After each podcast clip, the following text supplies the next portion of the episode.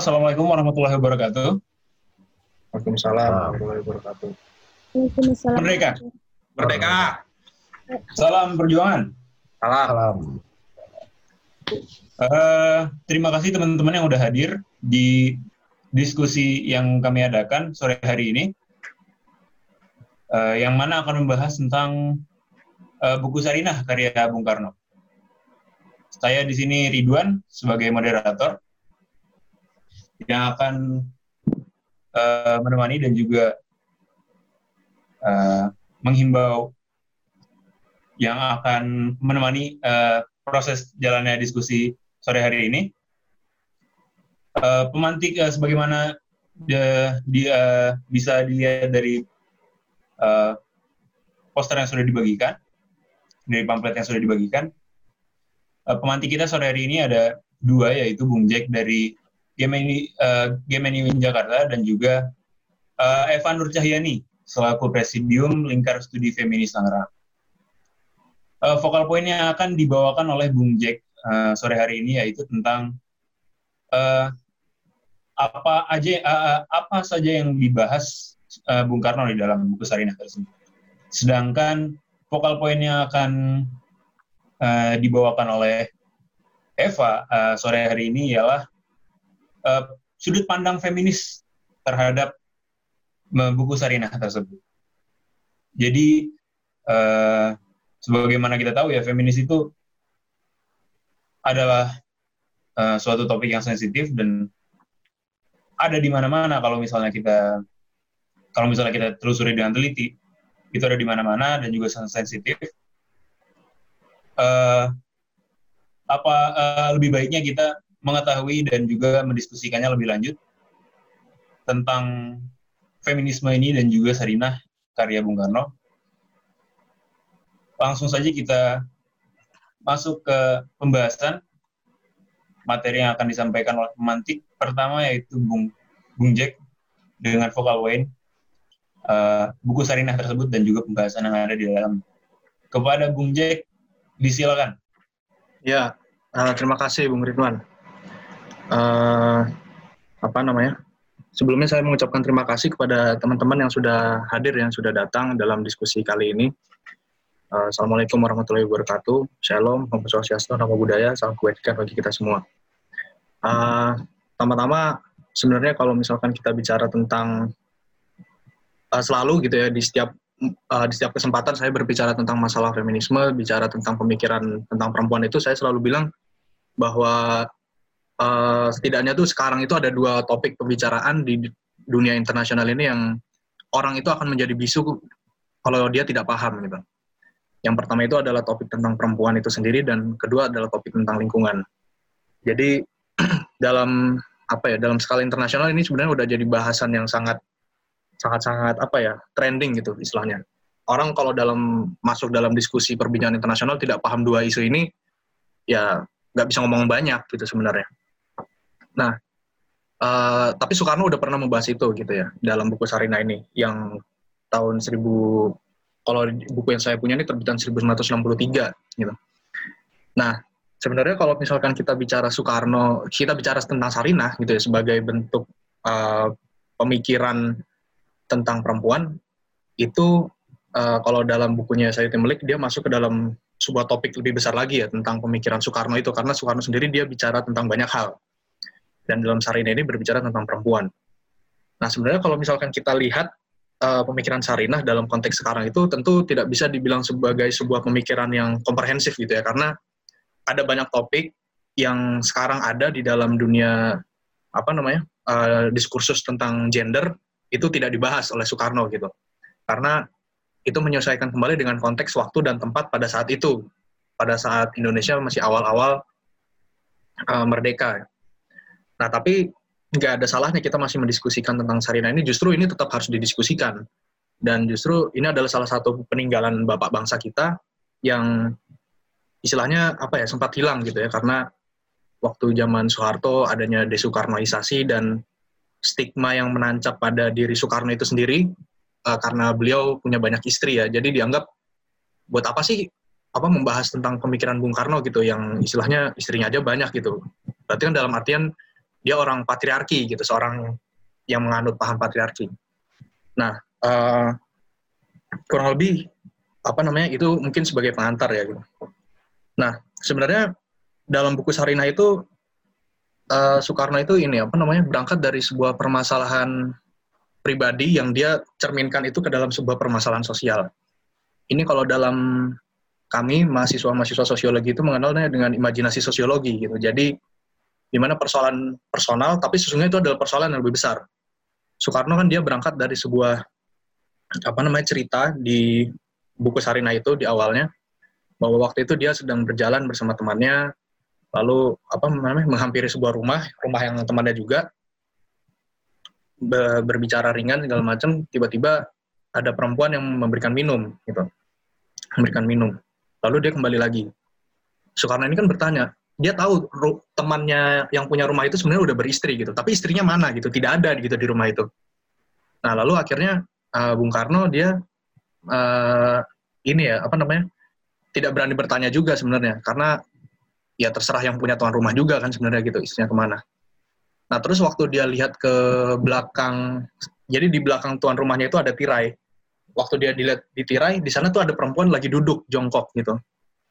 Nah, jadi di sini Bung Karno berprasangka gitu dalam artinya kalau misalkan si perempuan ini adalah istrinya ini dan tidak diperbolehkan untuk keluar rumah. Nah, ini uh, yang Bung Karno kritik khususnya ya dalam bukunya itu. Nah, uh, sebenarnya kalau misalkan kita lihat lagi Sarinah itu uh, kita langsung aja ya apa sebenarnya kalau Sarinah itu kan dari namanya sendiri dia berangkat dari ibu pengasuhnya Bung Karno waktu beliau masih ada di rumah neneknya dulu ya. Jadi Bung Karno merasa bahwa Sarinah ini memberikan banyak sekali apa namanya pelajaran insight kepada Bung Karno tentang humanisme gitu, tentang rasa kemanusiaan. Uh, kita langsung masuk aja ke tesis aslinya dari tesis apa tesis utamanya dari Sarinah itu sebenarnya Sarinah ini Bung Karno itu melihat apa ya melihat dan membandingkan pergerakan perempuan yang ada di barat pada saat itu abad 19 sampai 2, pertengahan abad 20-an dengan konteks pergerakan perempuan yang ada di Indonesia. Nah, jadi uh, kayak seperti yang kita ketahui ya waktu apa namanya? Bung Karno di Sarinah itu juga menjelaskan bagaimana peranan perempuan pada saat apa namanya? perumusan Declaration of Independence Amerika, terus juga bagaimana kaitannya dengan revolusi Prancis gitu. Dan kemudian Bung Karno merefleksikan dengan keadaan perempuan yang ada di Indonesia pada saat ini. Di pemaparan awalnya, Bung Karno menjelaskan tentang apa yang menjadi topik besar dalam uh, pembahasan perempuan atau gender pada umumnya, yaitu tentang dikotomi antara patriarki dengan matriarki. Bung Karno menjelaskan itu. nah, tapi dalam pendefinisian tentang patriarki ini, Bung Karno sepertinya menggunakan apa ya bisa disebut sebagai standar ganda gitu karena di satu sisi Bung Karno memahami patriarki sebagai sebuah sistem sosial seperti pada umumnya yang laki-laki itu lebih dominan ketimbang perempuan tapi juga di satu sisi Bung Karno memahami patriarki itu sebagai uh, patrilineal. Jadi garis keturunan berdasarkan ayah gitu. Dan untuk matriarki pun juga demikian gitu. Nah Bung Karno menjelaskan tentang asal mulanya juga patriarki dan matriarki ini uh, seperti pada umumnya ya referensinya itu Bung Karno menggunakan sepertinya itu referensinya dari Engels yang sejarah keluarga dan negara gitu dari buku itu. Nah di sini juga Bung Karno menjelaskan gitu apa namanya uh, standing point dia itu ada di mana. Nah yang menariknya adalah kalau misalkan kita lihat apa namanya uh, orang-orang yang menjelaskan tentang yang berbicara tentang gender pasti dia akan cenderung berbicara bahwa oh matriarki dan patriarki dua-duanya tidak baik gitu untuk diterapkan. Jadi kita harus mencari sebuah uh, sistem sosial tatanan tatanan sistem sosial baru yang perempuan dan laki-laki itu dapat hidup bersama gitu. Tapi Bung Karno bilang di dalam buku ini kalau dia itu lebih setuju kepada patriarkat gitu. Dia, dia lebih setuju kepada patriarki di mana patriarki dalam artian patrilineal. Jadi garis keturunan itu berdasarkan ayah, seperti yang kita sekarang gitu ya. Kan kita biasanya juga dikenal itu bin itu kalau di Islam itu belakangnya pasti dari nama ayah ya gitu. Nah, kenapa Bung Karno bisa berkata demikian? Karena uh, beliau menjelaskan gitu kalau dulu kita pernah menganut matriarki dan matriarki hilang gitu. Karena uh, dengan berjalan sejarah ya dijelaskan lebih detail itu di dalam buku Sarinah itu. Nah, Bung Karno menganggap kalau sistem patriarki itu adalah sistem modern yang dia sudah terbukti oleh uh, sudah terbukti oleh zaman, sudah terbukti bahwa dia itu memang adalah sebuah sistem yang kokoh gitu yang istilahnya. Yang memang sudah istilahnya yang terbaik gitu, sistem apa namanya? patrilineal ini. Nah, uh, terus juga dijelaskan juga kalau di dalam diskursus, diskursus gender pada umumnya itu tentang dikotomi nature and nurture, nature dan nuture, nature and dan nurture. Nah, ini tuh sebenarnya lebih menjelaskan kepada uh, kalau nature itu pendekatannya dia kan bahwa perempuan ini apa namanya? Kenapa perempuan ini lemah? Karena kalau dari perspektif yang nature karena ototnya itu berbeda dengan laki-laki gitu. Kalau laki-laki itu kan ototnya lebih dominan pada bicep, tricep segala macam. Sementara perempuan itu ototnya lebih cenderung pada misalkan rahim gitu atau yang daerah sana gitu. Nah, kalau perspektif yang nurture itu dia lebih pada konstruksi sosial di mana perempuan itu dianggap lemah ya karena masyarakat menghendaki perempuan itu lemah gitu. Nah, yang berbeda lagi Soekarno di sini juga menambahkan gitu bahwa tidak hanya nature dan nurture saja yang menjadi poin penting dalam kita melihat kenapa perempuan itu sekarang bisa dikatakan lemah gitu atau lebih cenderung kepada fungsi-fungsi ranah domestik. Karena kata Soekarno itu ada faktor psikologis gitu. Di mana perempuan itu kata Bung Karno memiliki rasa kasih sayang yang berbeda dengan laki-laki gitu. di mana kasih sayangnya itu uh, rasa keibuannya itu itu berbeda dengan laki-laki di mana perempuan itu apa ya lebih mempunyai empati gitu ketimbang laki-laki. Nah di sini perbedaannya gitu, di mana Bung Karno juga apa namanya melibatkan faktor-faktor psikologis tersebut. Nah, uh, kalau misalkan kita berbicara tentang analisis sejarah dalam buku Sarina itu tentu nggak bisa kita paparkan di sini ya, karena itu apa namanya terlalu panjang gitu. Kalau misalkan di ini, mungkin teman-teman bisa membaca di bukunya Sarina itu sendiri atau di referensi aslinya gitu di bukunya Frederick Engels yang sejarah uh, sejarah keluarga asal usul keluarga, the origin of family, state, and apa gitu uh, ada banyak hal sebenarnya yang disinggung di sana ya. Apa namanya? Dan juga lumayan holistik sebenarnya. Setidaknya dari abad Yunani sampai uh, pertengahan abad 20. Di sana itu dibahas. Uh, kayak dulu misalkan di di sana juga disinggung tuh apa namanya waktu dulu kan di Yunani itu perempuan itu dianggap bukan manusia sebenarnya. Para filosof-filosof dulu itu kan begitu mereka sudah bangun pagi mereka membuka pintu lalu berkata kan apa namanya terima kasih kepada para dewa-dewa yang telah menjadikan aku laki-laki bukan budak dan bukan perempuan gitu. Jadi seolah-olah perempuan itu lebih rendah derajatnya daripada budak gitu. Juga ada apa namanya budaya dijelaskan juga kalau di Eropa itu ada budaya yang disebut dengan budaya rederisme gitu sekarang menyebutnya di mana perempuan itu dianggap dia perempuan itu dimuliakan tapi sungguhnya dia nggak bodoh gitu jadi kayak misalkan ada budaya di Eropa itu di mana kalau misalkan perempuan itu ingin duduk di restoran, laki-laki itu yang menarikkan kursinya kan gitu. Nah itu budaya rederisme di mana perempuan itu dihormati, tapi sebenarnya dia nggak bodoh gitu. Lalu juga apa namanya? Uh, ada banyak ya kayak terus juga dikutip ada banyak kutipan-kutipan di buku Sarina itu tentang pemikiran-pemikiran para pegiat perempuan ya di pada saat itu di, di antaranya kayak misalkan dikutip dari perkataan Havelock Ellis. Havelock Ellis mengatakan bahwa perempuan itu diperlakukan sebagai layaknya setengah dewi dan setengah orang tolol gitu. Karena tadi itu apa namanya di, di satu sisi diperlakukan istimewa tapi juga sebenarnya dibodohi gitu dengan diperlakukan oleh istimewanya itu. Nah, tapi dalam melihat perspektif historis ini, apa namanya rentetan sejarah pergerakan perempuan ini, Soekarno itu uh, menitik beratkan pada ada satu tokoh namanya itu Olimpi de Gauges, di mana dia itu melihat bahwa, nah ini juga merupakan sebuah kritik sebenarnya dalam gerakan feminis uh, yang berkembang pada saat itu. Sebenarnya Soekarno juga membahas apa namanya waktu Abigail Smith Adam di Amerika dia berkata bahwa Abigail Smith Adam itu adalah first lady apa ya the first of first lady-nya Amerika gitu ibu negaranya pertama Amerika dia berkata kalau misalkan negara ini negara ini ingin menjadi negara yang hebat, maka negara ini harus adalah negara yang juga mengakomodir kepentingan-kepentingan perempuan gitu. Itu dia berkata demikian gitu sehingga uh, perempuan di Amerika waktu itu uh, diakomodir kepentingan-kepentingan politiknya. Lalu dibawa hingga ke Perancis, bagaimana peranan perempuan itu di revolusi pada revolusi Perancis segala macam. Soekarno juga menjelaskan. Nah, pada saat itu perempuan di Perancis itu belum memiliki uh, kesempatan untuk memilih gitu, untuk memilih mencoblos gitu ya. Dalam jadi partisipasi politiknya belum dianggap hingga apa namanya akhirnya diakomodir, tapi diakomodir itu hanya untuk perempuan-perempuan kelas atas.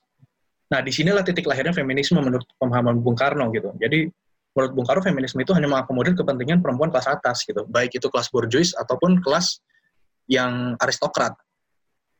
Nah, ada sosok Olimpiade Gaugus ini dia itu lebih kepada kaum buruh sebenarnya. Jadi di sana diceritakan kalau Olimpiade Gaugus itu sempat apa namanya mengakomodir ribuan orang itu untuk demo di depan uh, istilahnya kantor pemerintahan Prancis gitu untuk menuntut hak suara gitu. Karena perempuan terus juga laki perempuan buruh khususnya gitu ya itu tidak dilibatkan gitu. Sementara laki-laki kalau buruh laki-laki dia masih dilibatkan untuk memilih. Sementara perempuan kalau buruh tidak.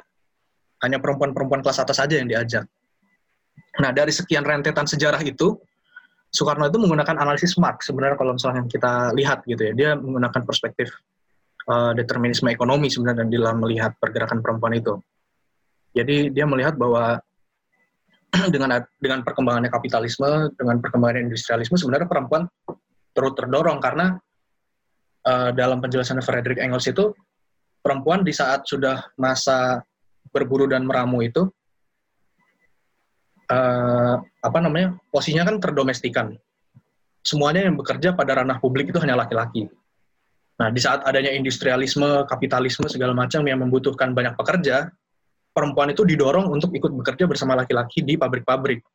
Artinya apa? Artinya kesempatan perempuan untuk bekerja di ranah publik terbuka dengan adanya itu, dengan adanya kapitalisme. Nah, lalu kapitalisme juga yang menjadi biang permasalahan sebenarnya. Karena dalam perjalanannya, kapitalisme itu kan ya seperti yang di, kemudian dijelaskan oleh Marx itu ya, tentang eksploitasi, nilai sur, nilai lebih, dan segala macamnya gitu.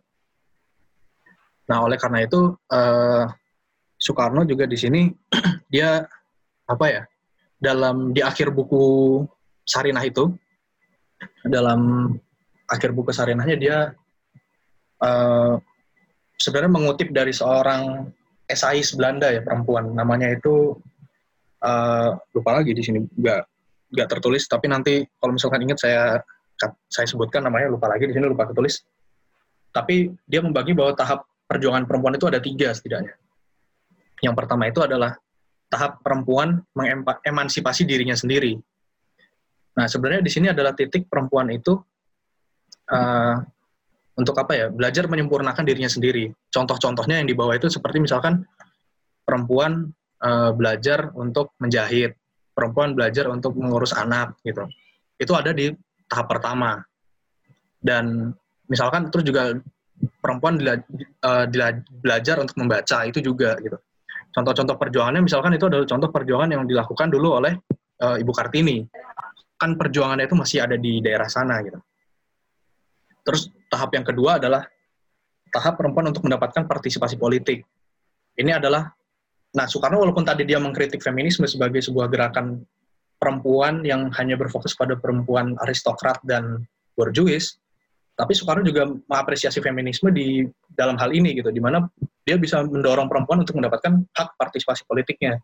Dia bisa dipilih dan memilih itu karena gerakan feminisme barat pada saat itu. Lalu di tahap yang ketiga adalah tahap di mana uh, perempuan dan laki-laki itu bekerja sama untuk mewujudkan masyarakat sosialis. Karena karena tadi ya perspektifnya Soekarno lebih ke Marx, di mana dia melihat bahwa kapitalisme ini adalah yang masalahnya gitu.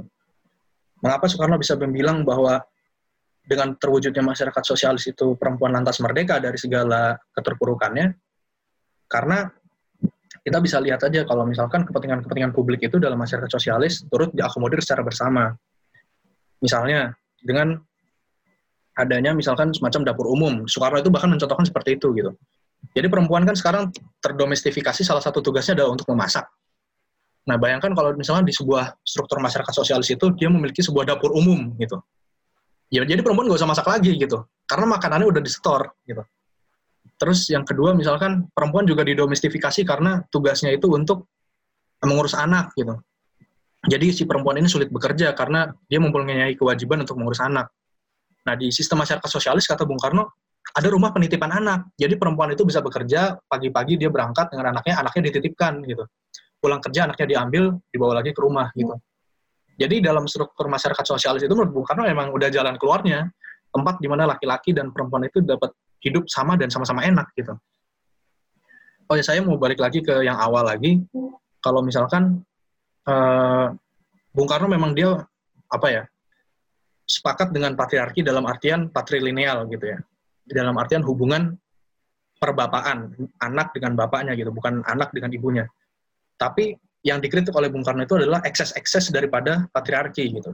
Jadi patriarki yang melebihi batas. Kayak misalkan kita tahu di sekarang itu ada kasus uh, kekerasan dalam rumah tangga. Nah, itu adalah yang disebut Bung Karno sebagai ekses-ekses dari patriarki.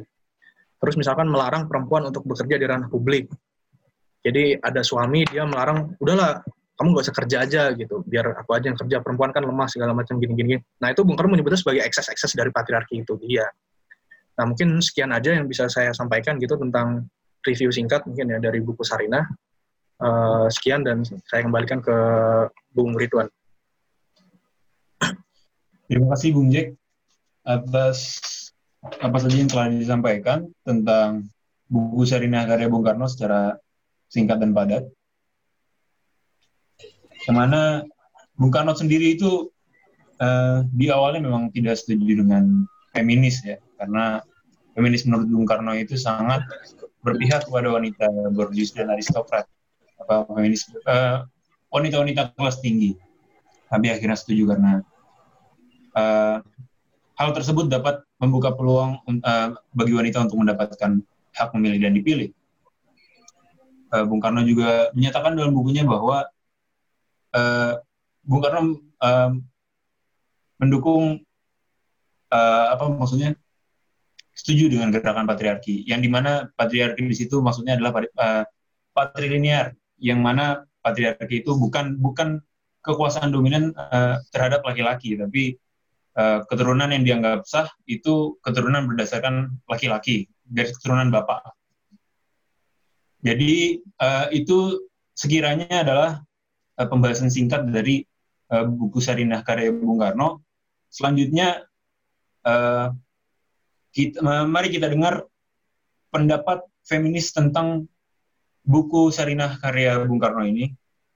Uh, untuk Eva, Presidium Lingkar Studi Wanita eh, eh, Presidium Lingkar Studi Feminis Tangerang eh, padanya disilakan untuk membahas. Oke, okay. terima kasih Bung Jaki. Uh, sebelumnya saya mau terima kasih juga kepada kawan-kawan GMNI apa UIN telah memberikan kesempatan untuk bisa saya sharing bareng kawan-kawan mengenai apa namanya uh, buku Sarinah yang memang karya dari uh, Soekarno. Gitu kan. Mungkin sedikit dari saya gitu kan dari apa namanya dari apa yang menjadi pemikiran Soekarno di buku Sarinah tersebut. Ada beberapa juga yang memang uh, saya apresiasi, tapi ada beberapa juga kritikan-kritikan yang memang uh, juga tidak sesuai dengan apa namanya karena saya kan di sini uh, berbicara mengenai perjuangan feminisme gitu ya. Uh, ada beberapa juga kritik-kritik mengenai uh, tidak sesuainya perjuangan perju apa pemikiran-pemikiran Soekarno dengan perjuangan-perjuangan feminisme gitu kan uh, walaupun memang pada akhirnya apa namanya Soekarno di dalam bukunya ini juga dia menganggap bahwa feminisme itu juga suatu gerakan yang penting dalam meletakkan fondasi gitu bagi gerakan perempuan ke depannya.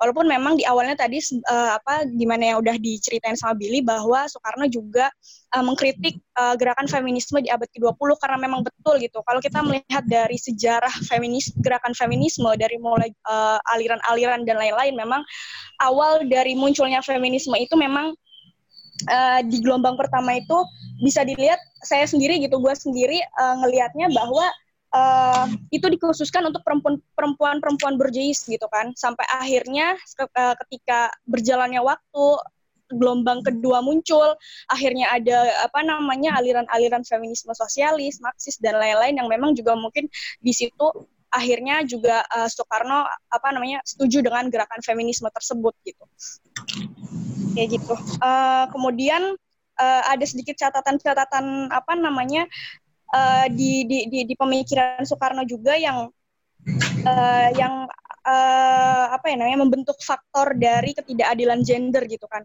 Karena gue sendiri jujur aja agak sedikit rumit ya ketika membaca buku ini apa ya pemikiran Soekarno itu agak sedikit rumit gue gua analisa gitu karena di satu sisi dia di satu sisi dia adalah seorang sosok yang juga mempertahankan feminisme, tapi di satu sisi juga dia adalah yang apa ya namanya, gue sempat diskusi juga sama Billy waktu uh, tadi banget gitu kan.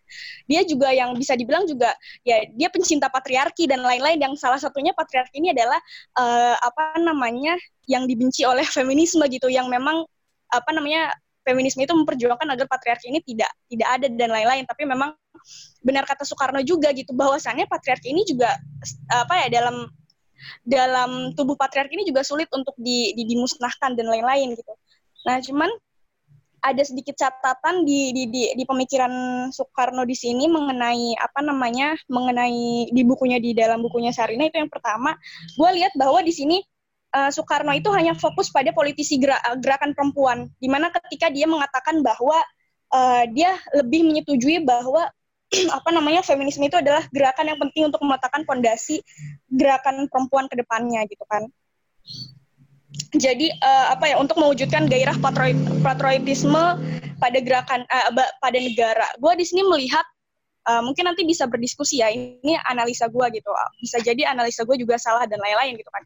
Uh, gue di sini masih melihat bahwa di sini sama seperti uh, rezim orde baru yang menganggap bahwa perempuan itu adalah apa ya dia ideologi perempuan itu adalah ibuisme negara yang di mana ya perempuan itu adalah uh, apa namanya kasur sumur dapur dan lain-lain gitu. Karena faktor psikologis yang tadi karena perempuan itu memiliki apa namanya perasaan yang keibuan dan lain-lain kayak gitu.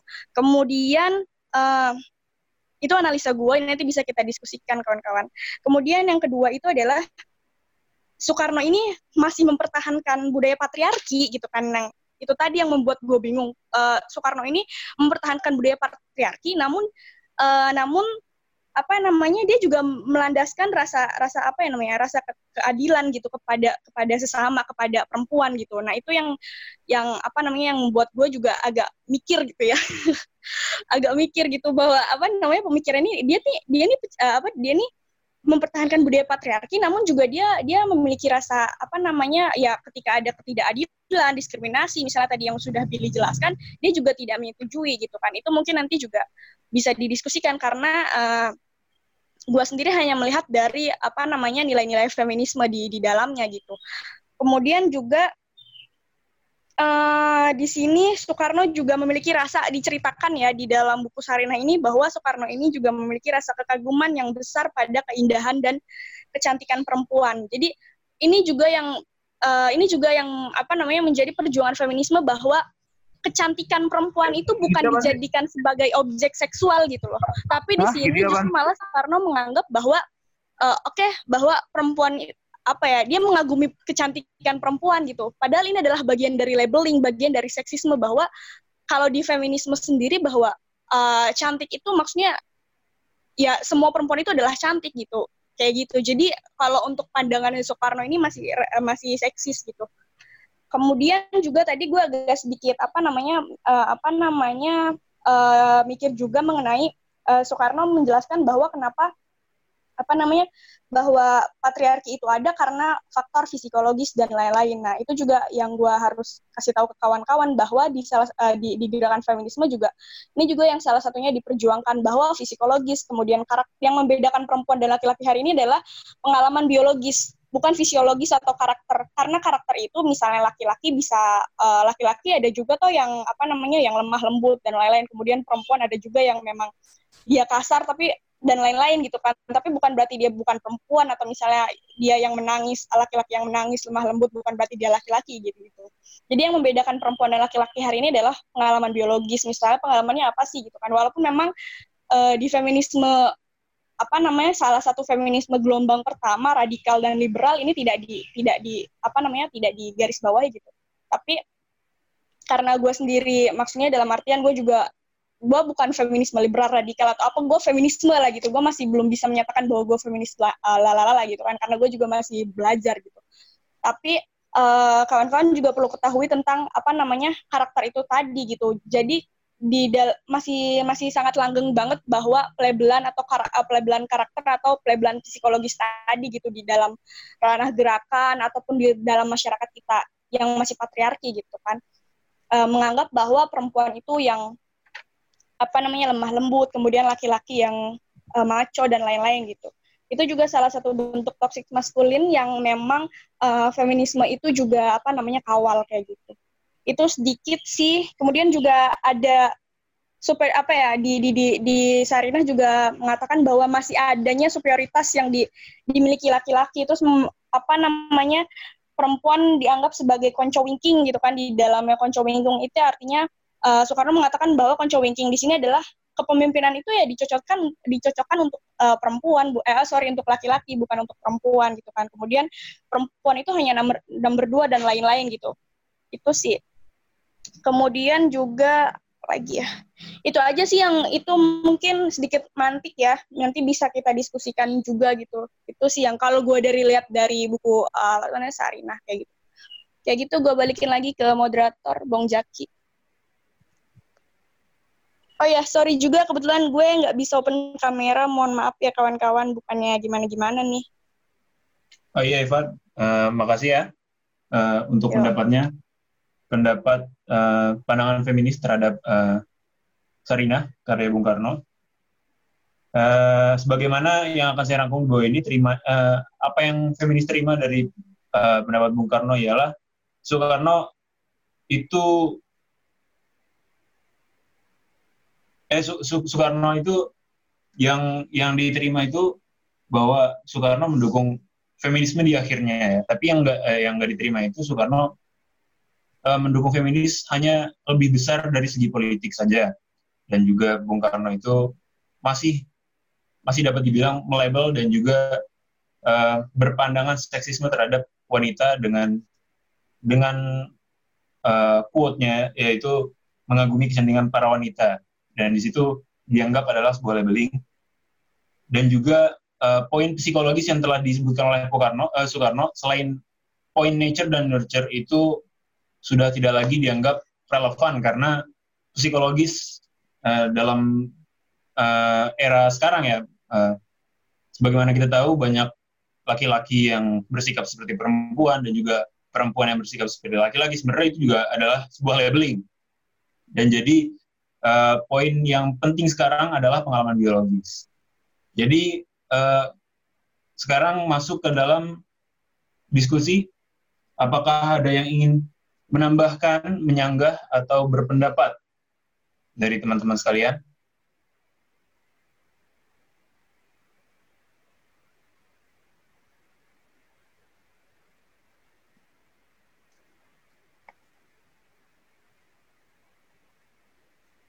Uh, baik dari Bung Fahri, silakan.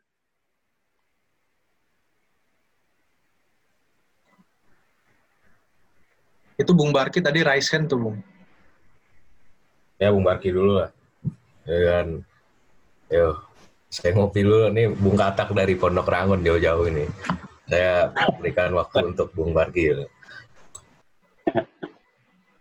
Saya cuma ini saja Bung kalian mau minta pendapatnya saja pada Bung Jack dan Eva terkait uh, uh, permasalahan uh, hari ini gitu, masalah hari ini.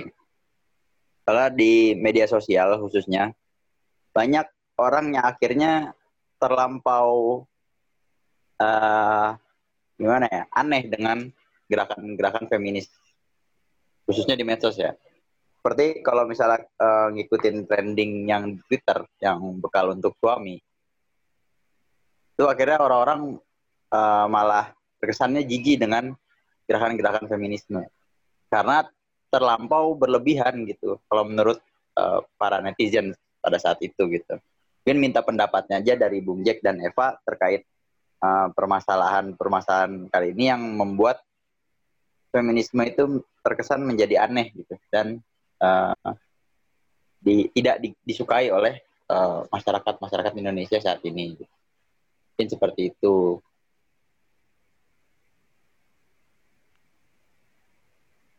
Baik, Bung Bargi atas pertanyaannya. Uh, gimana Bung Bung Jack mau ditampung dulu atau langsung mau dijawab? Eva? Ikut gimana Bung Ridwan aja? Gimana dari Eva? Tampung aja dulu kali ya. Boleh. Gue serahin ke moderator sih. Oke. Kita tampung aja dulu pertanyaannya dari Bung Barki. Lanjut ke pertanyaan selanjutnya atau tanggapan atau Gue mau nanya dari Bung Barki. Halo, Assalamualaikum. Salam. Ya, nih, nih dari perhimpunan, nih katak nih dari perhimpunan Patriarki Indonesia. Silakan. Ya, saya dari ini dari perhimpunan mekanik Pondok Ranggon. Saya pengen nanya nih. Yang pertama, saya baru gabung di diskusi ini. Yang pertama kali itu saya nggak ngerti pertama apa sih namanya patriarki patriarki itu apa satu yang kedua itu feminisme. Feminisme itu feminisme itu apa? Dua. Gampang aja ya jawab ya. Makasih. Assalamualaikum warahmatullahi wabarakatuh. Salam. Ya assalamualaikum. Ada lagi Saya pertanyaan atau tanggapan? Tanggapan selanjutnya? Mau ya mau kita mau berdiskusi nih. Mau berdiskusi bentar. Ya, Assalamualaikum warahmatullahi wabarakatuh. Kawan, ya, terima kasih untuk pemateri dari Eva. Kalau di game ini bicaranya Sarina Eva. Lalu dari Bung Jack dan moderator juga terima kasih sudah membuat kesempatan ini, kesempatan silaturahmi ini ter, terjalin. Silaturfikrinya juga terjalin. Maksudnya, kita kan berbicara soal apa Sarina juga dengan relevansi tentang feminisme. Ini harus terus dibicarakan kalau menurut saya karena ya satu sistem pemikiran itu harus terus diberikan tantangan-tantangan gitu loh. Harus terus dicari relevansinya, harus dicari bagaimana intisari-intisarinya. Nggak masalah begitu. Jadi kawan-kawan yang membaca misalkan tentang baca-baca teks-teks lama itu harus siap untuk diadu. Nah, istilahnya begitu, harus siap untuk di, dicari, diperbaharui setiap pola pemikirannya seperti itu. Jadi karya Bung Karno Sarina ini bukanlah satu pemikiran tertutup. Jangan seperti itu. Jadi kalau kita bawa-bawa buku Soekarno, teks Soekarno, pemikiran Soekarno, lalu kita bergaul sama teman-teman, Soekarno ini udah paling benar. itu sulit kita itu. Kita nggak bisa diskusi itu kita. Ya, kita berkumpul aja menjadi sekte mistik di Kediri situ. Kita bisa bikin itu. Nah, kalau untuk apa suatu kehidupan intelektual di Ciputat, di Tangerang Selatan, ya budaya intelek ini harus dibawa kawan-kawan yang memang sudah belajar tentang Bung Karno harus siap untuk diuji pemikirannya, harus disiap untuk diuji bagaimana pemahaman kawan-kawan tentang teks yang kalian baca. Nah itu penting itu budaya intelektual itu perlu di perlu dibangun dan diwariskan untuk generasi ke depan. Tapi kalau Bung Karno itu seolah tendensius, ya kan, ya saya sepakat. Saya sepakat dengan itu bahwa Bung Karno itu seolah ada dilema dalam mengembangkan pemikirannya ya tahun 1945 sampai 1950 memang pada eranya physical revolution. Sehingga mengapa tata tata apa e, tata nilai tujuan negara dan keterlibatan-keterlibatan warga negara itu memang dibutuhkan physical revolution. Meskipun tahun 1950 sampai 55 di kabinet parlementer nah itu kan non physical revolution. Nah makanya di situ tokoh-tokoh politik yang perempuan itu mulai prominent, mulai muncul. Karena tahun 1945 sampai 50 itu ya ekonomi bumi hangus ya kan, politik adalah panglima itu karena memang kita berada dalam situasi yang kurang baik untuk menata kehidupan politik. Nah, sehingga dibutuhkan keamanan negara segala macam. Jadi kalau dibilang Bung Karno itu adalah apa? Bung Karno itu bilang perempuan adalah tiang negara, segala macam, nah itu cocok kalau bilang itu bahwa tiang negara ini harus selalu dijaga oleh laki-laki yang yang apa, yang menjadi pejuang peta apa segala macam Hizbullah itu loh. Nah itu tahun 1945 sampai 50. Nah kalau 1950 sampai 55 baru situ sudah berbeda dari semua tata tata perilaku, tata pikirannya semua udah berbeda dari Bung Karno. Kalau menurut saya begitu di yang perempuan itu tapi saya juga beberapa kali sama Bung Katak, Bung Kurniawan Ramadan itu kan kita dari visit. Ya bicara soal feminisme itu banyak cabangnya, itu hampir delapan cabangnya itu. Feminisme ekologi, feminisme post industrialis ya segala macam. Nah itu dia. Kita harus terus apa mendiskusikannya, ya kan? Terus juga kita baru baca yang namanya Sarah Mills bahwa itu ada apa membagi gitu loh. Paradigma feminisme itu ada tiga tuh bisa ditelusuri. Dari tiga komponen dari linguistik dari sikap ya kan? Nah itu yang itu juga dia dianggap bisa mengupas bagaimana pemikiran Bung Karno pada tahun sebelum kemerdekaan nah bayangkan orang yang baru lahir tahun Paramils itu kan 1950 1950-an ya kan nah, ketika dia lahir dia berpikir memikir pemikiran nah pemikirannya itu bisa digunakan sebagai pisau bedah daripada pemikiran Bung Karno tahun 1945 ke bawah. Jadi seperti itu kita harus terus memperbarui pemikiran-pemikiran itu.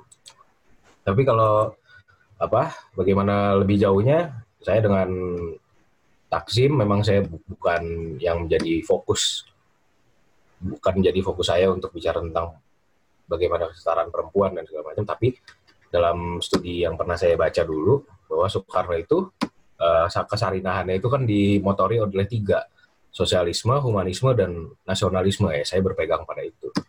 Secara ideologi, saya berpegang pada itu soal penempatan peran dalam perempuan.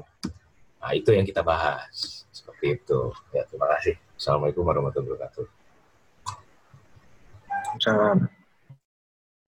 Waalaikumsalam warahmatullahi wabarakatuh.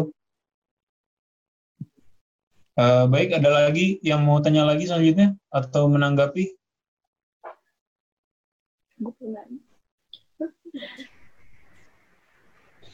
Uh, langsung aja kita. Saya, saya. saya mau oh ya. Ya. Kalau mau naik. Iya. uh, sebenarnya simpel aja sih.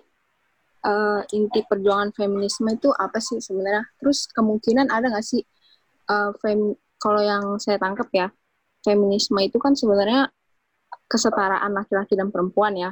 Tapi pada akhirnya menurut pemantik nih uh, mungkin nggak sih feminisme itu lambat tahun merasa superior sehingga dia tuh nggak nggak pengen lagi setara nih sama laki-laki tapi malah justru pengen di atas laki-laki gitu.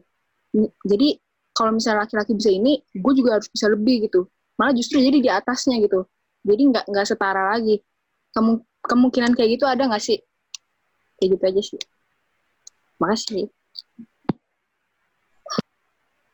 Oke, baik. Uh, sudah didapatkan empat suara ya. Jadi ada tiga pertanyaan. Uh, jadi uh, lebih baiknya kita susun aja pertanyaannya ya. Jadi dari dari awal, apa itu feminisme dan juga patriarki? Lalu lanjut ke pertanyaan selanjutnya yaitu inti perjuangan feminisme. Jadi perjuangan feminisme itu apa dan ap apakah ada kemungkinan feminisme akan uh, berakhir merasa superior, merasa bahwa uh, saya bisa melakukan lebih dan juga merasa jadi superior. Dan juga pertanyaan yang terakhir yaitu postingan feminisme sekarang yang seperti uh, ada kiat-kiat menjadi suami yang baik atau segala macam itu apakah itu sesuai dengan netizen Indonesia sekarang atau seperti apa gitu? Jadi langsung saya serahkan kepada uh, Bung Jack dulu pertama untuk menanggapi. Ya, uh, terima kasih Bung Ridwan.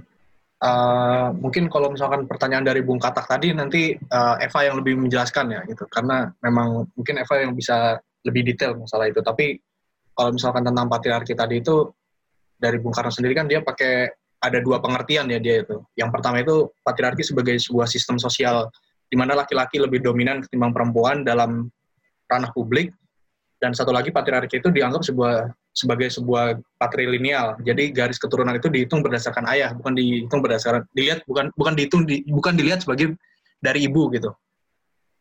Nah, uh, tapi tadi sebenarnya sepakat sih sama pernyataannya Bung Fahri gitu. Kalau misalkan uh, ini harus tetap dibahas gitu pemikiran Bung Karno tentang Sarinah ini. Karena ada sebuah jurnal tadi yang sempat saya baca gitu tulisan orang dari Brawijaya ngebahas Sarinah juga kalau misalkan uh, Bung Karno itu kan sebenarnya sepanjang hidupnya itu spesifik menulis buku itu kan hanya dua sebenarnya kan. Mencapai Indonesia Merdeka dan Sarinah gitu. Konteksnya juga mencapai Indonesia Merdeka itu sebelum apa namanya sebelum 17 Agustus 45 dan Sarinah sesudah 17 Agustus 45 dari susunan buku ini aja gitu bisa kelihatan gitu. Kalau misalkan memang semangat Bung Karno itu adalah untuk mewujudkan semangat masyarakat menuju sosialisme ala Indonesia gitu. Di mana saat sudah physical revolution itu ya peran peran peran dari perempuan itu harus lebih dominan lagi gitu dalam artian perempuan ini harus diakomodir juga kepentingannya dan turut dilibatkan juga dalam memperjuangkan terbentuknya masyarakat sosialis sosialisme ala Indonesia. Uh, oh ya sama tadi itu sempat saya lupa nama orang itu ya yang mana Soekarno membagi tahap perjuangan perempuan menjadi tiga itu adalah uh, beliau mengutip dari seorang esais Belanda namanya itu Henry T. Roland Holt baru keingetan tadi itu perempuan juga. Uh, lalu tadi yang dari Bung Barki yang dari Bung Barki itu sebenarnya menarik juga tuh apa namanya buat teman-teman yang belum tahu jadi beberapa waktu lalu tuh sempat rame ya postingan di Twitter itu ada seorang perempuan dia seneng bikin bekal buat suaminya gitu. Lalu ada orang-orang yang menjudge dia kalau wah lu ini budaya patriarki nih perempuan bikinin bekal buat suaminya kayak gitu. Ada yang pro dan ada yang kontra gitu dengan itu. Nah, tapi kalau misalkan saya melihat itu, saya mencoba menganalisis itu dari perspektif Sarinah gitu, sebagai sebuah uh, ideologi hasil pemikiran Bung Karno tentang perempuan, maka ini masuk ke yang tadi itu, masuk ke bagian dari faktor psikologis tadi. Kalau memang perempuan itu memiliki dorongan untuk melakukan kasih sayang itu lebih daripada laki-laki gitu. Termasuk tadi apa yang disebut uh, Eva itu sebagai ibuisme itu ya. Jadi perempuan itu memang senangnya ya begitu gitu kalau kata Bung Karno emang senang masak senang ngejahit gitu-gitu jadi itu emang udah tabiat aslinya kalau kata Bung Karno kayak gitu nah mungkin nanti dari perspektif uh, feminisnya itu uh, mungkin Eva bisa lebih dalam lagi gitu ya Terus uh, tadi tentang Monik itu juga menarik. Apa apakah feminisme dapat apa namanya berpotensi gitu untuk melampaui batas sehingga apa namanya uh, bu, bukan hanya menjatuhkan dominasi laki-laki tapi malah dia membuat dominasi sendiri gitu di atas laki-laki. Nah itu kalau misalkan bahasa-bahasa netizen kan itu mungkin yang disebut sebagai feminazi itu ya. Tapi dalam gerakan feminisme itu tidak feminazi itu nggak dianggap sebenarnya sebagai sebuah gerakan feminisme itu sendiri. Dia istilahnya udah dianggap keluar lah gitu dari ini bukan feminis gitu kayak gitu sih kalau dari saya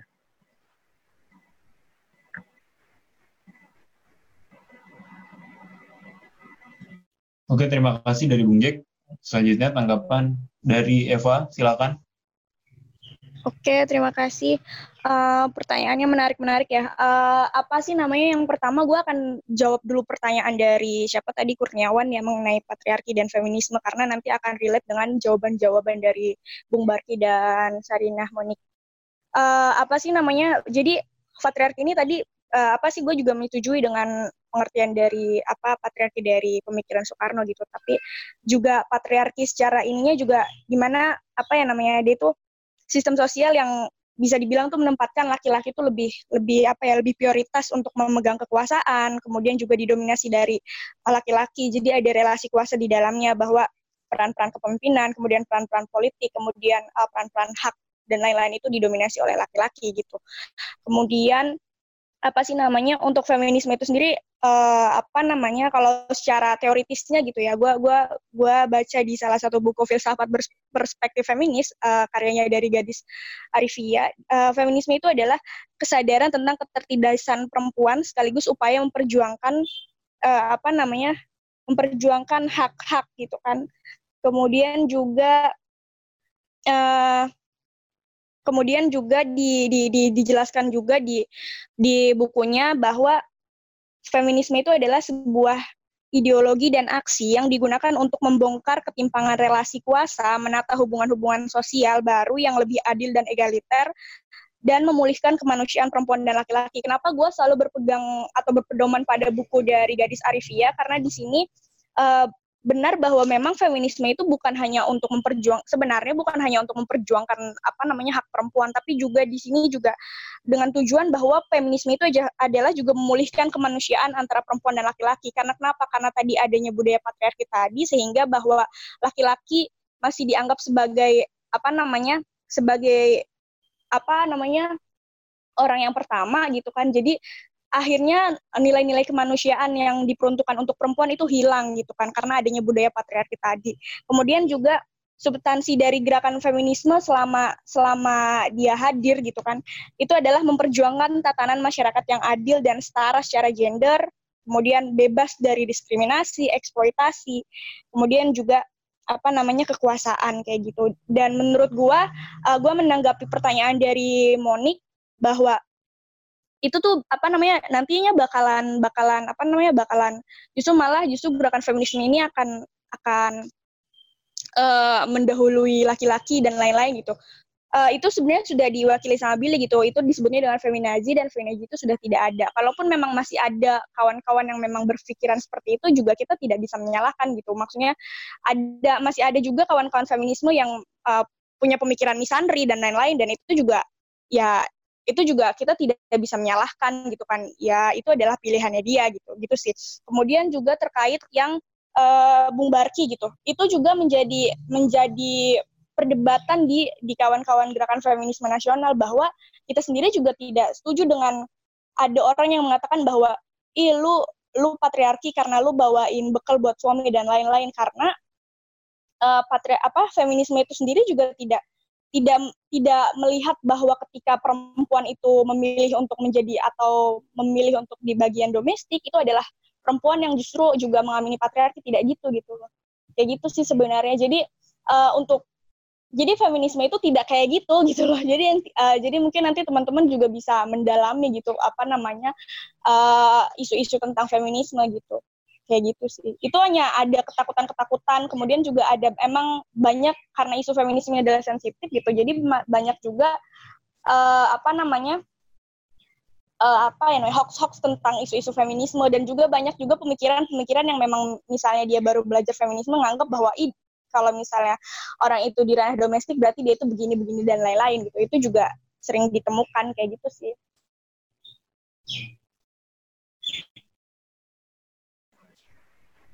Oh ya ini mau nambahin lagi. Ini apa namanya? Uh, menarik sih sebenarnya kalau misalkan apa ya kita nge-zoom eh, bukan Zoom bukan dalam artian aplikasi ini ya, tapi kita ngelihat lebih dalam lagi tentang perspektifnya Bung Karno itu dalam melihat patriarki itu sendiri gitu. Karena benar kayak tadi yang udah sama Eva singgung gitu, kalau misalkan apa namanya Bung Karno pro dengan patriarki, tapi juga dia membenci apa yang dia sebut dengan ekses-ekses dari patriarki itu gitu. Nah, dalam tesis pembenarannya Bung Karno tentang sistem patriarki itu, selain tadi Bung Karno bilang bahwa uh, apa namanya sejarah udah menentu udah udah membuktikan gitu kalau misalkan patriarki itu adalah sistem yang modern yang dia lebih sulit dihancurkan daripada sistem matriarki segala macam gitu-gitu. Nah, Bung Karno juga membawa-bawa dalil agama tuh sebenarnya di buku Sarina itu. Kalau misalkan setiap nabi yang turun yang diutus Tuhan ke muka bumi itu selalu membawa ajaran-ajaran patriarki gitu kata dia. Kayak misalkan di dalam Islam laki-laki diboleh poligami gitu. Terus dalam agama Yahudi kalau misalkan perempuan itu haid dia harus diasingkan gitu. Nah Bung Karno menggunakan tesis-tesis itu tuh. Nah yang lebih menariknya lagi Bung Karno bilang di buku Sarinah itu kalau sebenarnya buku Sarinah itu buku Sarinah ini itu kurang satu bab kata dia tuh kata Bung Karno yaitu adalah melihat perempuan di dalam dunia Islam. Jadi tadinya Bung Karno pengen ada satu bab khusus tentang perempuan dalam dunia Islam.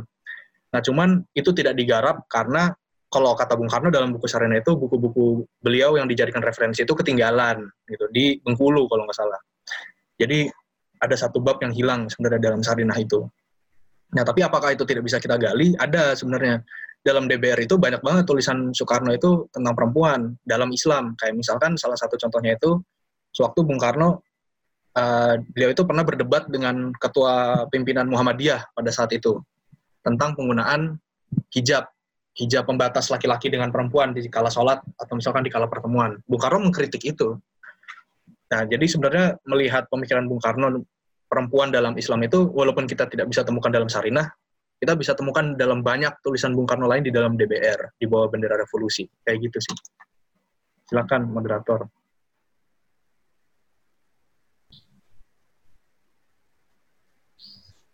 Uh, terima kasih tanggapannya dari Bung Jack dan juga Eva.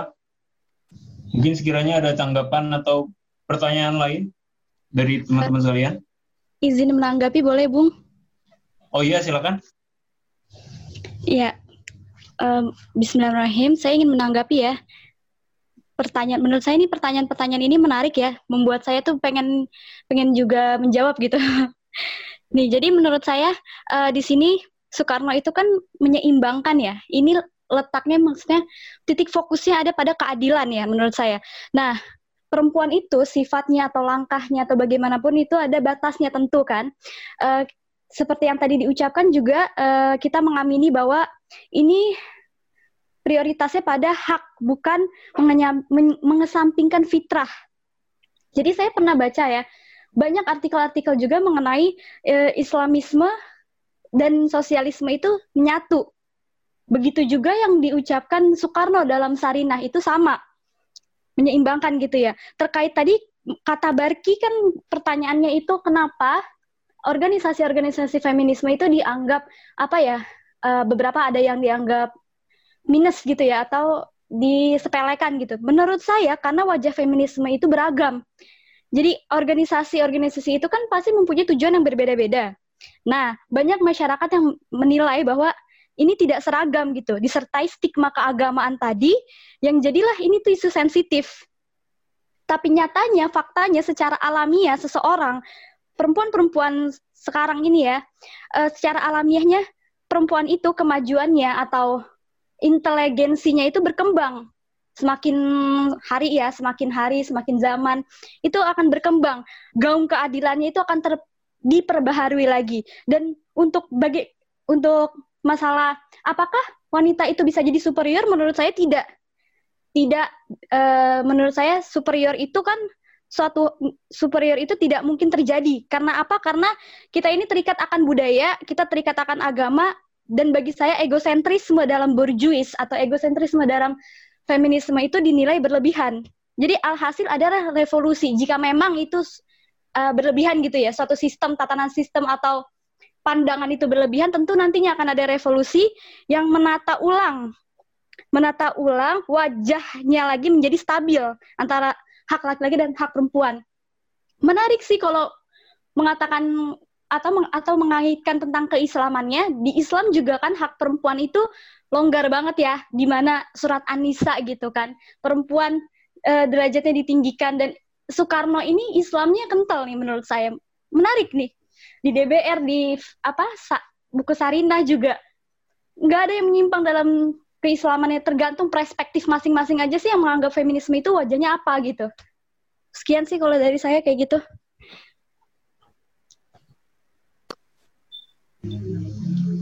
Terima kasih Sarina Afi.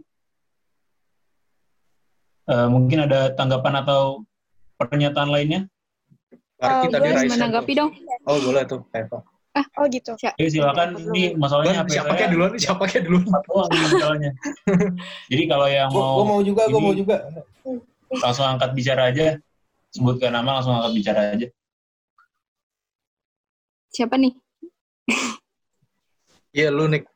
Eh, saya cuma empat doang kelihatannya masalahnya orangnya. Iya, silakan aja iya bicara. Iya deh. Tadi kalau misalnya berangkat dari Sarina Afi ya, yang di kalau misalnya kita bawa dogma gitu kan uh, di Islam itu kan perempuan memang memang sudah tinggi derajatnya gitu ya. Tapi uh, pada akhirnya uh, kenyataannya kan banyak juga tuh. Akhirnya di Instagram juga banyak. Sebenarnya Indonesia itu nggak butuh feminis gitu kan. Karena di Islam itu sendiri juga sudah dijunjung tinggi gitu perempuan. Tapi kan pada kenyataannya yang terjadi di lapangan gitu kan justru sebaliknya gitu. Kadang justru kalau menurut saya uh, ideologi atau paham gitu ya kalau misalnya dibenturin sama dogma tuh nggak bakalan nggak bakalan selesai gitu. Karena maksudnya nggak bakalan ketemu jawabannya ya tok gitu. Karena isinya dogma gitu kan. Kalau menurut saya sih pribadi itu sih tanggapannya aja. Makasih Iya, terima kasih. Tadi siapa lagi yang mau menanggapi? Tadi Eva apa Barki gitu? Barki kayaknya deh. Ki ngomong Ki. Enggak, enggak. Mau nanya aja, mau nanya aja. kalau misalnya seradikal-radikalnya orang-orang feminis itu kayak gimana sih gitu. Gue pengen nanya itu aja. Orang fem, bukan feminis, orang feminazi lah. Radikal-radikal orang feminazi itu seperti apa gitu. Ya, terima kasih Bung Barki.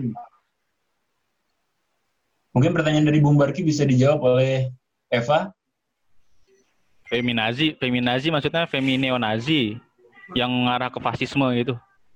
Ki. Ah, yang yang rame-rame di medsos itu loh tak ini kalau lu suka buka tweet buka Instagram makanya jangan motor mulu yang digarap. Ini apa isu tuh kan yang ada tuh Feminazi tuh. Bilangnya apa yang dulu bekal tuh. Katanya kalau suami dibekelin cewek tuh jangan lah ngapain sih? Eh, lu kayak budak kayak lu gitu kan. Ntar si cowok tuh kan jadi nongkrong di pondok rangon tuh belanja tuh. Nah, nah itu tuh tipe-tipe feminazi tuh yang di Pondok Rangon. gue sih nggak tahu ya. Makanya gue juga perlu nanya nih sama Eva mumpung ada di sini itu termasuk dianggap kawan nggak itu? Atau diajak nongkrong nggak sih orang-orang yang itu tuh? Maksudnya apakah mereka berada dalam rumpun ideologi yang kawan-kawan anut? Nah itu. Tapi gue juga ada mau nanggapin sih. Tadi itu Sarina Monik juga tadi ngobrol bahwa eh, ya ideologi kadang apa ya, sistem tata tata pemikiran dan segala macam ini ketika dibenturkan dengan dogma yang notabene itu adalah turun dari lillah itu kita susah ketemunya ya betul. Betul karena memang paradigma yang perlu dipakai untuk memahami kedua hal itu juga berbeda. Jadi saran saya untuk menghindari per- perdebatan-perdebatan yang menghabiskan energi nah, jadi kita mesti fokus nah, menelusuri mana yang bisa kita kritisi dan perbarui mana yang enggak. Lain kalau dogma mana bisa kita gitu. Terus juga tadi ada ini ya apa? Ada ini apa? Tadi itu ada poin yang pen- bukan bukan penting ya maksudnya ya penting cuma menjadi ini juga. Bentar bentar.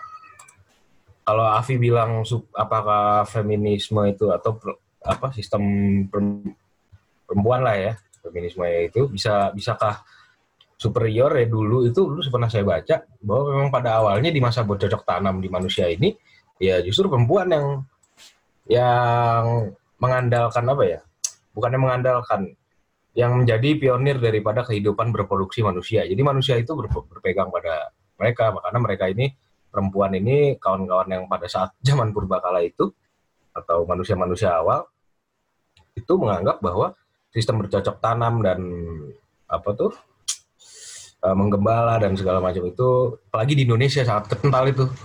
Ya kan? Indonesia itu sangat kental dengan apa dengan tata perilaku yang tadi. Nah itu dikuasai oleh perempuan memang sistem. Jadi mengapa dia menjadi pionir dari peradaban? Kalau menurut saya karena dia terlibat langsung dalam pro- proses produksi.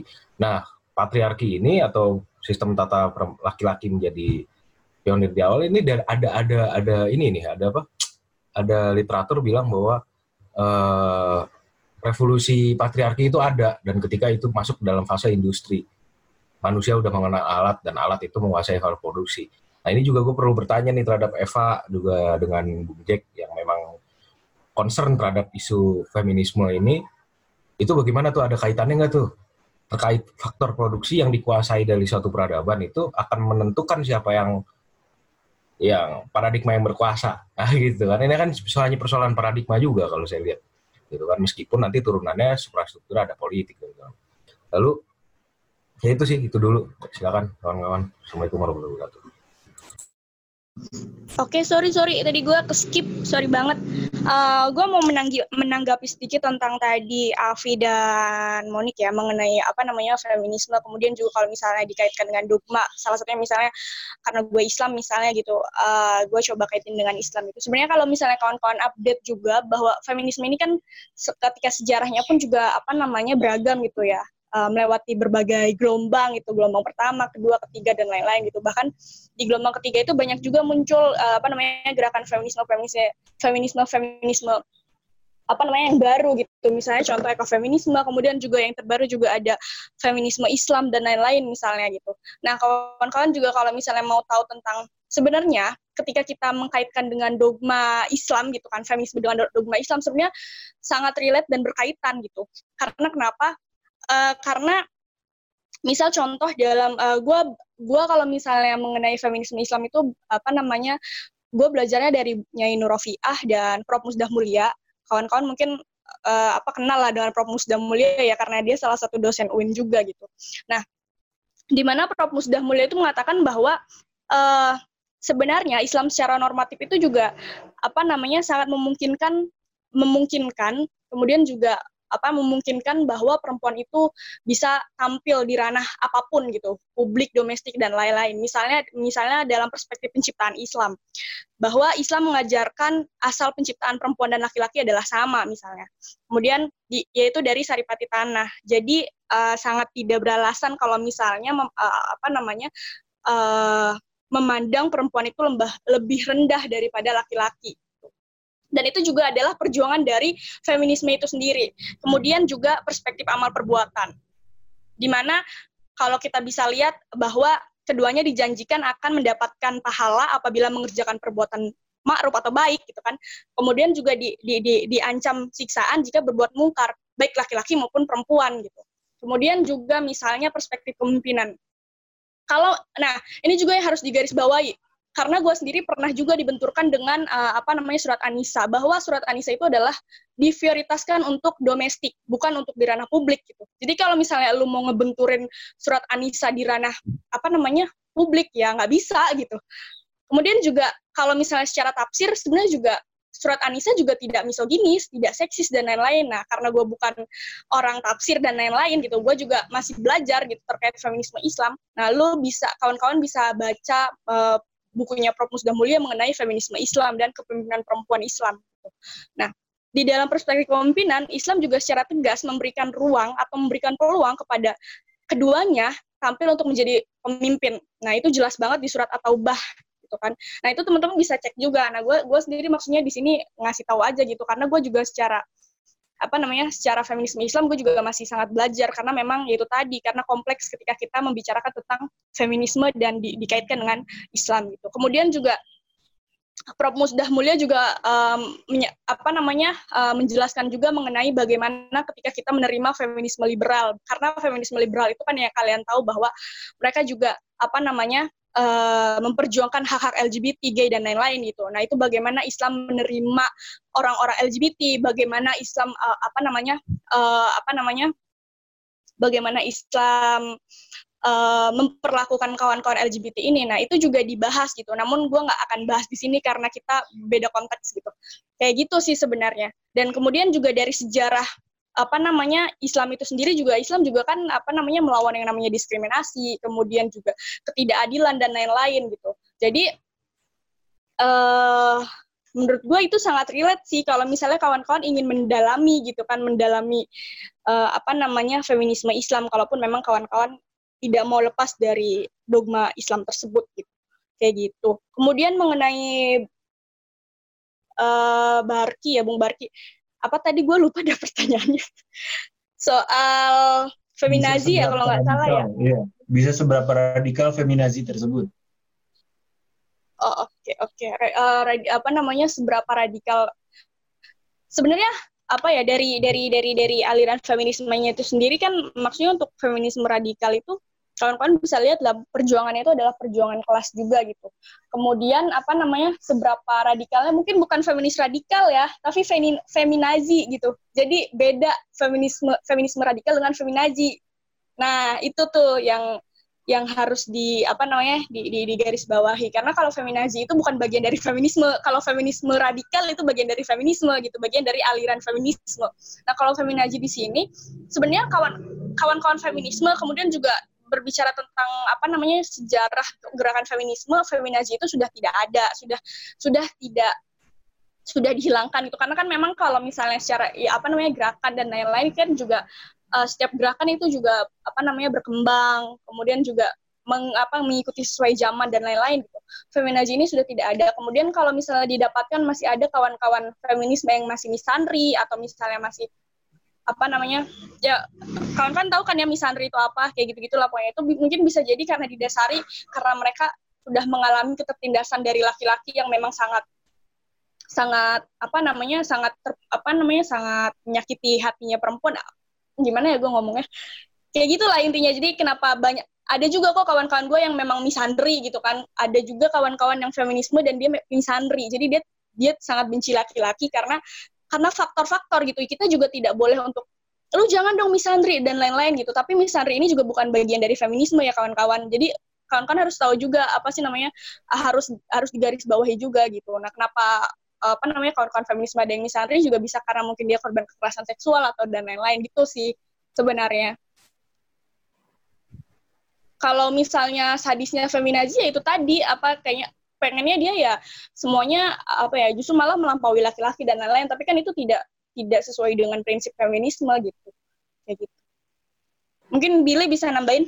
Eh Bung Jack Bung Jack lupa gue beda panggilan beda iya kalau gue sih sebenarnya pengen ngomong juga apa namanya tadi tentang misalkan sekilas yang tentang apa namanya uh, perempuan dilihat dalam perspektif Islam, khususnya misalkan khususnya dalam hal ini tafsir Islam yang progresif gitu ya. Justru malah sampai tingkat yang paling radikal itu Buneng Dara itu, jadi dosen FISIP itu ada namanya Buneng Dara. Beliau itu malah mengkritisi uh, taf, mengkritisi perkataan orang dalam narasi-narasi keagamaan itu bahwa perempuan itu diciptakan dari tulang rusuk laki-laki. Buneng Dara itu bilang itu salah. Nggak benar itu kalau kata Buneng Dara. Jadi Buneng Dara itu salah satu pemikir ini ya, apa namanya? feminis Islam. Gitu. Nah, tapi uh, tadi sepakat tuh misalkan sama kalau saya mau nge-highlight yang tadi perkat, uh, pernyataannya Bung Fahri, kalau misalkan dalam sejarah peradaban kita itu uh, kelompok yang dia menguasai faktor produksi pasti juga akan jadi dia mendominasi gitu. Itu di bukunya Frederick Engels itu juga menjelaskan seperti itu. Bahkan di sana itu diceritakan waktu jadi ini secara singkatnya di dalam buku itu tuh waktu laki-laki itu dia berburu kan perempuan dia diam di rumah di apa namanya dia ada di gua gitu nah di saat dia di gua ini dia bercocok tanam. Karena dengan bercocok tanam kan tidak jauh dari gua kan tidak jauh dari rumah itu. Nah ternyata waktu beriring uh, berjalannya waktu ternyata bercocok tanam lebih efektif ketimbang dengan berburu yang penuh resiko harus keluar segala macam. Bercocok tanam lebih mudah. Dan perempuan dalam konteks itu dianggap lebih telaten ketimbang laki-laki. Dianggap perempuan ini yang punya metode itu, yang punya metode itu adalah perempuan gitu. Nah, di sana barulah tercipta masyarakat yang matriarki, di mana perempuan itu lebih unggul daripada laki-laki. Nah, dalam perjalanan sejarahnya, Sarinah, di dalam Sarinah, Bung Karno menjelaskan kalau misalkan dalam perjalanannya laki-laki itu kemudian menjadi budak daripada laki-laki. Laki-laki itu yang menggarap tanah, perempuan itu hanya menerima hasil. Jadi konsep kerjanya itu mirip kayak lebah. Perempuan itu ibaratnya ratu lebah gitu. Di mana semua anak di dalam keluarga itu ya adalah anak dia bukan anak laki-laki gitu karena lahirnya lahirnya dari dia dan kodrat manusia itu begitu lahir dia pasti tahu ibunya tidak tapi nggak tahu ayahnya. Jadi misalkan kan berarti kan di waktu kondisi seperti itu satu perempuan dia bisa distu, bisa disetujui oleh banyak laki-laki. Nah setiap anak yang lahir kan nggak jelas nih apa namanya anaknya ini ini anak siapa gitu. Dia cuma tahu ibunya doang gitu tapi nggak tahu bapaknya. Nah dari sini juga nanti turunannya itu masalah kewaris gitu. Nah, di sinilah masalah waris itu menjadi titik baliknya yang disebut dengan revolusi patriarki itu atau revolusi laki-laki. Di mana laki-laki itu kalau dalam buku Sarina itu dibilang laki-laki itu dia nggak terima di saat uh, dia yang bekerja di ladang, tapi malah anaknya anak dari laki-laki lain yang mendapat uh, waris itu di saat dia meninggal. Nah, di sana laki-laki ini istilahnya berusaha untuk melepaskan diri daripada uh, kehidupan matriarki itu. Dia membuat klannya sendiri. Nah, di saat klannya ini dia udah minggat, laki-laki ini minggat, dia membuat klan sendiri di mana warisan itu bisa jadi anak di, bisa hanya untuk anak dia segala macam dan perempuan tidak banyak intervensi. Nah, di sana baru perempuan mengalami titik kelemahannya. Di mana maksudnya dia udah nggak punya pekerja lagi kan, laki-laki yang bekerja untuk dia udah nggak ada. Nah, di sana baru dia istilahnya dalam tanda petik gitu ya, menghamba pada laki-laki itu di sana. Nah, di sana permulaan apa titik baliknya ya. mulainya patriarki itu di sana gitu kalau di buku itu kayak gitu aja sih nambahinnya Oke, terima kasih teman-teman dan juga para pemantik. Uh, bisa langsung saja ke closing statement dari Bung Jack untuk menutup diskusi. Oh, boleh, udah satu jam lebih ya? Ini. Uh, ya. Terima kasih sebelumnya uh, untuk closing statement sih saya mungkin tidak akan menyimpulkan ya karena menyimpulkan itu bisa dari teman-teman sendiri gitu. Tapi kalau dari saya pribadi ya apa namanya Bung Karno menyebutkan dalam Sarina itu bab pertama bab pertama buku Sarina itu cuma 16 lembar di halaman 15 atau halaman 16 gitu. Bung Pram menyebutkan kalau persoalan isu perempuan itu bukan hanya milik isu perempuan, karena isu perempuan itu adalah isu masyarakat, di mana masyarakat itu di dalamnya juga terlibat ada laki-laki. Jadi uh, membicarakan tentang persoalan perempuan, terus dan mengusahakan emansipasi perempuan agar perempuan lebih memiliki peranan gitu dalam fungsi publik, itu bukan hanya perjuangan perempuan, tapi juga perjuangan laki-laki.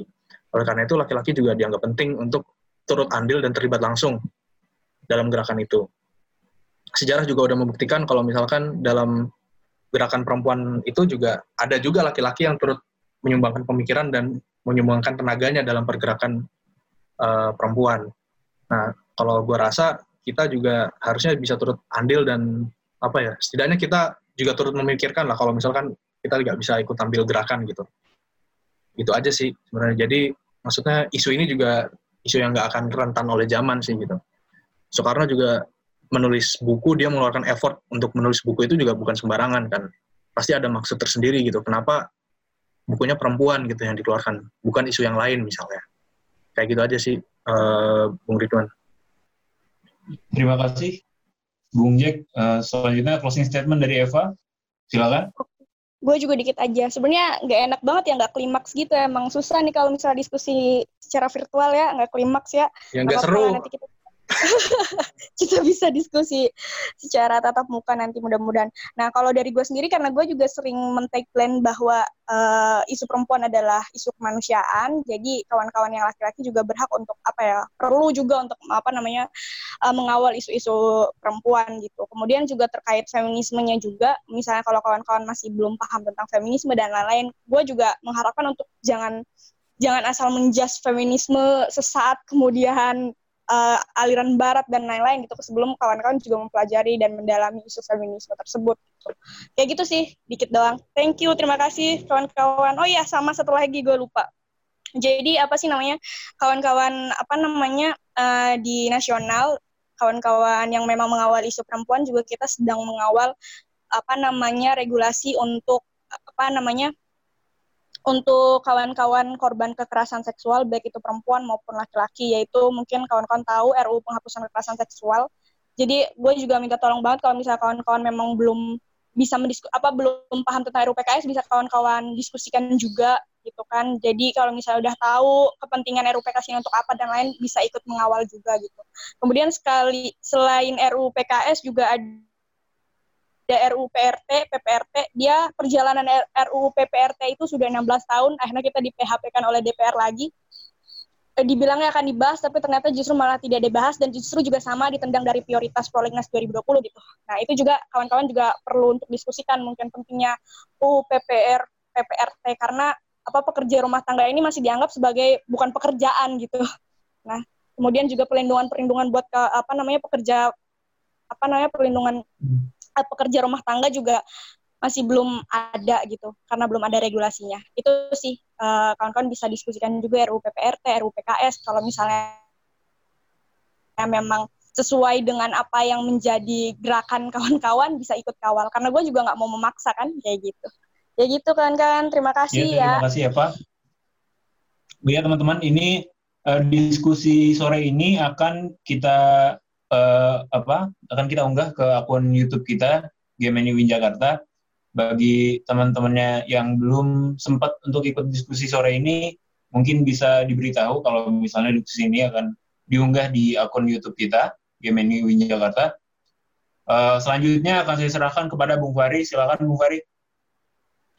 Ya, sedikit aja. Saya mau ini mau ngabarin peluang-peluang kita bahwa uh, tadi eh, apa Eva udah sebutin ya bahwa di DPR itu ditendang dari prolegnas segala macam. Memang ini prosesnya panjang sekali dan kawan-kawan kalau memang pengen tahu bagaimana proses prolegnas apa uh, UU PRP dan segala macam itu nanti kita bisa diskusi di belakang. Tapi begini, kita punya jaringan untuk uh, bicara soal isu perempuan dan isu soal gerakan bisa kita sinergikan ke DPRD Tangsel itu bisa kita ke depan. Apalagi ini kita juga menghadapi apa sistem kurikulum yang baru ini nanti akan berpengaruh terhadap pembelajaran. Nah, maksudnya kita juga harus tahu tuh, semoga bisa silaturahmi kita dimulai dari diskusi ini, ke depan kita bisa bergerak yang memang dalam artian lebih kesasaran gitu. Nah, kita hari ini kita berdiskusi, kita bersilaturahmi, silaturahmi, tapi nanti kita mulai bergerak dan mulai bagaimana dalam arti mera- meracik rancangan yang memang nanti akan dieksekusi karena bakal banyak transisi dari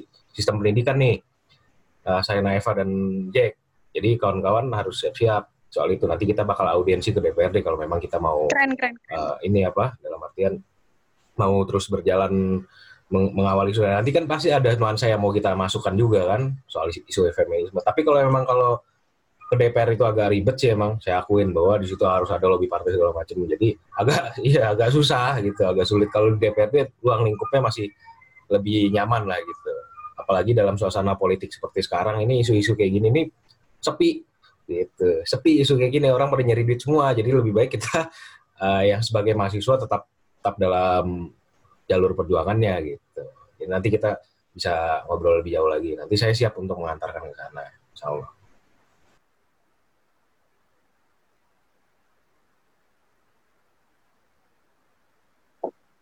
Oke, sekian. Terima kasih teman-teman yang sudah meluangkan waktunya untuk sore hari ini. Eh, saya dari saya dari GMNU Win Jakarta mengucapkan terima kasih pada eh, Eva selaku Presidium Lingkar Studi Feminis Tangerang dan juga teman-teman yang lain. Eh, sekian dari saya sebagai moderator untuk diskusi sore hari ini. Assalamualaikum warahmatullahi wabarakatuh. Waalaikumsalam warahmatullahi wabarakatuh. Merdeka! Merdeka! Mereka Merdeka. Terima kasih semua. Terima kasih Ya. Eva, terima kasih kawan-kawan.